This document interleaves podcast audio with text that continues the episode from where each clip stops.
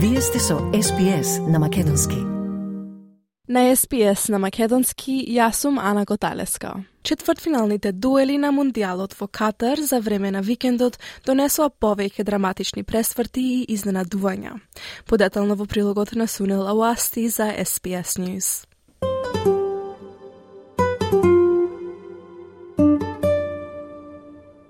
Надпреварот на Аргентина и Холандија подсети на многу од историјата на предходните светски првенства. Аргентина ги победи холанѓаните и го освои првиот светски куп во својата историја на домашен терен во 1978 година.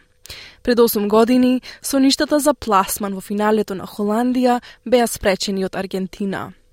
Но во 1998 година, мажите во Портокалово беа тие што ја испратија Аргентина дома. Суперзвездата на Аргентина, Лајонел Меси, асистираше за водечкиот гол на Нахуел Молина. Коментаторот на SBS, Мартин Тайлер, вака го опиша тој момент. Messi. Squeeze it through, and he's done that. And he's made the way through. It's a brilliant goal.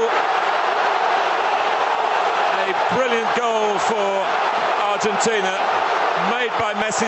Во 73-та минута, репрезентацијата на Аргентина го постигна вториот гол, но холанѓаните се уште не беа спремни да се откажат. Холандија се врати со головите на Војт Векхорст во 38-та минута и во 11-та минута од проложението. По пенал драмата против Холандија, Аргентина се пласира во полуфиналето на Мондијалот со 4 спрема 3. Во меѓувреме, по 105 минути без голови во четвртфиналето помеѓу Хрватска и Бразил, бразилската суперзвезда Неймар го постигна првиот гол на надпреварот. Simon Bratatani Andy Townsend na SBS Vaka Gopisha golot. Marquinhos. Neymar. Into Neymar. Could be a chance here. Goes for the return. It's Neymar!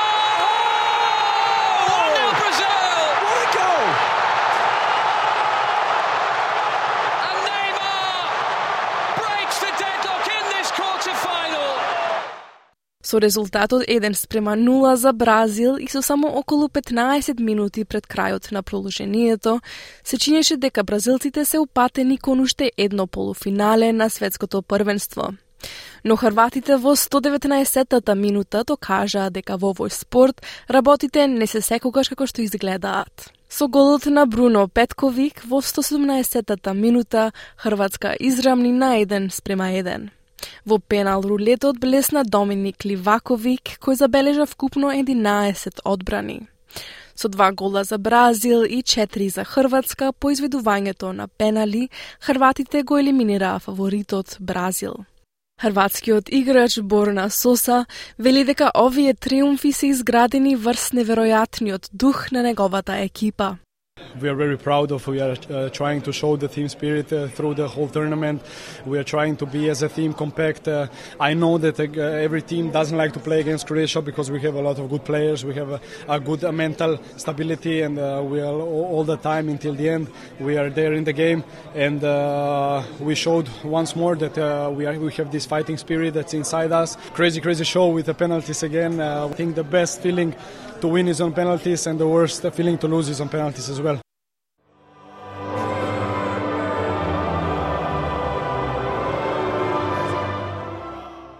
На надпреварот меѓу Франција и Англија, францускиот голман Хјуго Лорес беше еден од најзаслужните за победата. Надпреварот го започна Орелиен Чуармейни со спектакуларен гол само околу 20 минути по почетокот со 1 спрема 0 за Франција. Хари Кейн од репрезентацијата на Англија на пресметката против Франција реализираше пенал. Но со уште еден гол постигнат во 78-та минута, Франција го заврши над преварот со 2 спрема 1. Во самиот финиш, Англија доби шанса да изедначи повторно преку пенал, но Кейн го префрли голот и ги сруши со новите на англиската репрезентација. This for 2-2 when the referee blows his whistle, which he does now. Big responsibility for Harry Kane. It's usually up to them. Oh, not this time. It's the ball that's up and over. And France celebrate. And Kane looks to the ground in total dismay.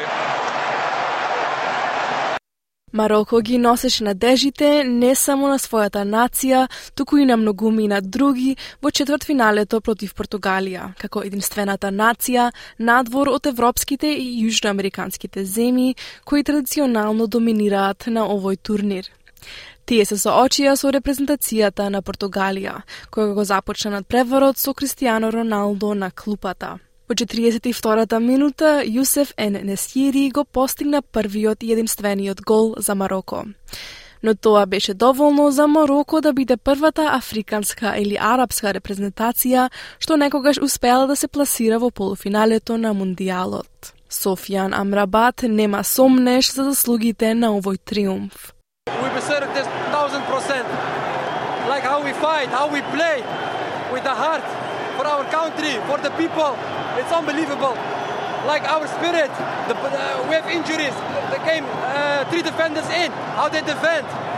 Big, big respect for everybody, for the staff, for the coach, for the, for the team. Sakate li da čujete povijeke prilozi kako ovoj? Slušajte podcast preko Apple Podcasts, Google Podcasts, Spotify ili od kada i da ги добивате вашите podcasti.